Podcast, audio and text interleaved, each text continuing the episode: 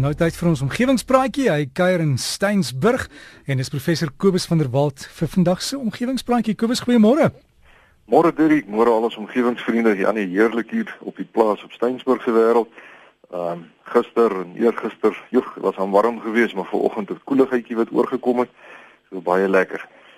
Dirk, ek wil vanoggend bietjie gesels oor 'n brief wat ek ontvang het van meneer Theo Kleinhans wat baie beïndruk is met die Amerikaanse miljardêr, filantroop en entrepreneur Elon Musk. Nou hierdie Suid-Afrikaansgebore man maak gedurig opslae met ontwerpe soos die Tesla elektriese motor en batterystelsels om elektrisiteit mee te stoor. En meneer Kleinhans sê hy het nou pas um, Elon Musk se biografie gelees en ook in 'n dokumentêr deur Leonardo DiCaprio oor aardverwarming uh, beweer Musk onder andere dat die reuse fabriek wat hy tans in Nevada oprig, die wêreld in die toekoms totaal onafhanklik van fossiel brandstowwe sal kan maak as daar net 100 soortgelyke fabrieke elders in die wêreld opgerig word en daar was uh, onlangs sprake in die pers dat een so fabriek dalk hier by ons opgerig sal sal word. Nou Musk se firma Solar City um vorder vinnig met die ontwikkeling van lithiumbatterye en hy selfs besig met die ontwikkeling van 'n vervoerstelsel wat die Hyperloop genoem, genoem word, ehm um, wat voertuie nou in 'n buis teen 'n spoed van tot 1300 km/h sal reis. En meneer Kleinhans sluit sy brief af met 'n versoek dat hy graag my kommentaar oor hierdie man se prestasies wil hoor. Nou ja, dat Musk 'n man met 'n merkwaardige visie is, is onbetwisbaar. Hy is nou 45 jaar oud en hy het sy kinderjare in Suid-Afrika deurgebring en 'n interessante feit is dat hy op 10 jarige ouderdom homself geleer programmeer het op 'n ou Commodore VIC 20 rekenaartjie. En toe hy 12 jaar oud was, het hy sy eerste rekenaarspeletjie verkoop vir 500 Amerikaanse dollar. Nou iets wat hartseer is, maar dit is ongelukkig deel van die van die samelewing deesdae is dat hy vanweë sy eie soortige visionêre benadering tot die lewe erg geboelie is as kind. En selfs een keer by 'n stel trappe afgegooi is en so erg deur 'n groep seuns aangerand is dat hy sy bewussyn verloor het. Ek wonder wat daardie boelies vandag oor Elon Musk te sê sal hê. Maar in elk geval Musk is na skool Kanada toe waar hy burgerskap aanvaar het op grond van sy Kanadeesgebore moeder en sy aanvanklike universiteitsjare het hy in Ontario deurgebring waar hy toe uh, waarna hy toe na die Universiteit van Pennsylvania verskuif het waar hy te gelykheid 2 grade verwerf het, die een in fisika en die ander een in ekonomie. En daarna het hy na Stanford Universiteit verskuif vir 'n doktorsgraad in toegepaste fisika en materiaalwetenskap, maar na net 2 dae het hy sy studies opgeskop om sy entrepreneursdrome na te jag. En hierdie drome is presies wat hy steeds na najag, naamlik hernubare energie en die buitenste ruimte. Nou vandag 21 jaar later word sy rykdom geskat op 11,5 miljard Amerikaanse dollar en daar is net 82 mense op aarde wat ryker as hy is. Nou Musk se drome wat al sy aktiwiteite rig en dryf is om aardverwarming te bestry deur die ontwikkeling van hernubare energiebronne, asook om soos hy dit stel, die mens 'n groter kans op oorlewing te bied deur die vestiging van kolonies op ander planete en op hierdie stadium konsentreer hy spesifiek op die planeet Mars. Nou soos, soos meneer Kleinhans geskryf het, werk Musk ook nog aan sy blitsige revolusionêre vervoerstelsel en dan is hy ook nog besig om 'n hipersoniese passasiersvliegtuig wat vertikaal kan opstyg en land en deur elektriese motors aangedryf word te ontwikkel.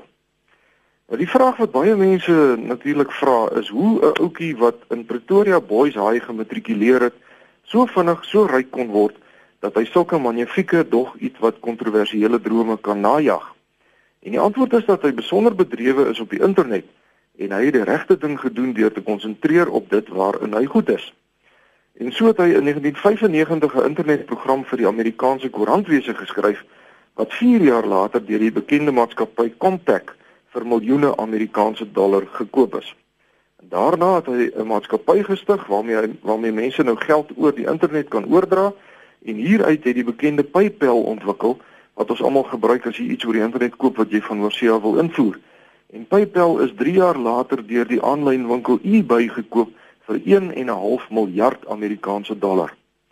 In 2001 het Musk die sogenaamde Mars Oase gekonseptualiseer wat 'n eksperimentele klein kweekhuis is wat op Mars sou land en dan aardplante in Marsgrond sou kweek. En kort daarna het hy en 'n goeie universiteitsvriend van hom Russiese interkontinentale missiele begin opkoop wat beskikbaar geraak het na mate die kernplofkoppe daarvan verwyder is. So die vuurpyle het nog steeds daar gestaan. Hulle het nou net nie meer kernplofkoppe gehad nie. En dit was die geboorte van SpaceX. En in 2008 is die eerste SpaceX vuurpyl gebruik om 'n satelliet te lanseer en 4 jaar gelede is nog een van sy vuurpyle gebruik om vrag na die internasionale ruimtestasie te vervoer. Maar Musk het onverpoos voortgegaan met volhoubaarheid as sy hoofdoel. En daarom is sy SpaceX vuurpyle nou uniek in die sin dat die eerste stadium van elke vuurpyl na sy lanseerblad terugkeer en dan saggies regop daarop land sodat die ding hergebruik kan word en hierdie is 'n ingenieursprestasie soos min. Nou Musk wil mense Mars toe stuur binne 20 jaar omdat hy van mening is dat die risiko van 'n asteroïde, 'n kernoorlog of 'n supervulkaniese uitbarsting wat alle mense op aarde kan uitwis eenvoudig te groot is. En mense sal nou dink dis nou sommer praatjies, maar die geniale Stephen Hawking deel hierdie siening van Musk. So dit is nie sommer net iets wat uh, wat wat in sy brein lewe nie. Nou Musk se plan is om aanvanklik 'n hele vloot vuurpyle op Mars te laat land sodat die eerste mense dan die nodige hulpbronne sal hê om hulle self te kan vestig. En sy ideaal is om teen 2040 'n kolonie van 80000 mense op Mars te hê. Ehm um, en omdat Mars se suurstof nou uh, sy atmosfeer nie suurstof het nie, het hy besef dat alle vervoermiddels op Mars elektries sal moet wees. En daarom is hy die voorloper op die gebied van elektriese voertuie met sy Tesla elektriese motor en dan ook die batterytegnologie om elektrisiteit effektief te kan berg en dan ook sonpanele om sonlig effektief in elektrisiteit om te skakel. Met ander woorde, die meeste van sy aktiwiteite het te maak met sy droom om die mensdom na ander planete toe uit te brei.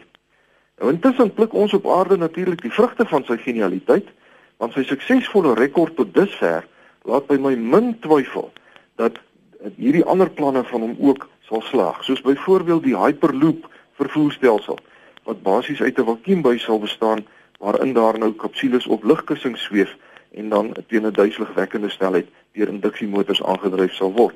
En sy jongste uh, aktiwiteit is kunsmatige intelligensie want hy wil dit spesifiek uh, tot beskikking stel van elke mens op aarde sonder die misbruik daarvan deur internasionale maatskappye of regerings. So, uh om op te som, ek dink Elon Musk het 'n geniale brein wat hy op die regte wyse inspann en ek dink dat hy vir omgewingsvolhoubaarheid nog tot groot voordeel gaan wees.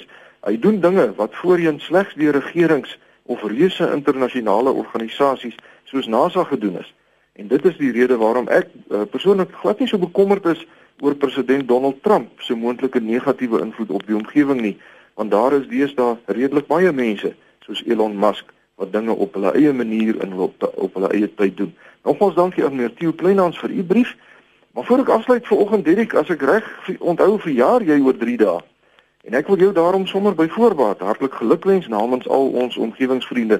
Baie dankie vir die wonderlike waarde wat jy tot al RSG se luisteraars se lewens toevoeg. En ek wens jou 'n baie geseënde nuwe lewensjaar toe. En natuurlik daarmee saam, môre is dit Kersfees en vir al ons Christen luisteraars 'n baie geseënde Kersfees en 'n baie voorspoedige uh, nuwe jaar. En daarmee sê ek vriendelike groete tot 'n volgende keer. Kobus baie dankie en ook vir jou bydraes. Baie dankie daarvoor en dankie vir die wense en alles van die beste vir jou en almal om jou en 'n baie geseënde Kersfees. As wil kontak maak is epos kobus.vanderwalt@nwu.ac.za maar die beste is op Facebook. Gaan soek daar vir die groep omgewingspraatjies. Sluit dan word 'n vriend en deel ons kennis.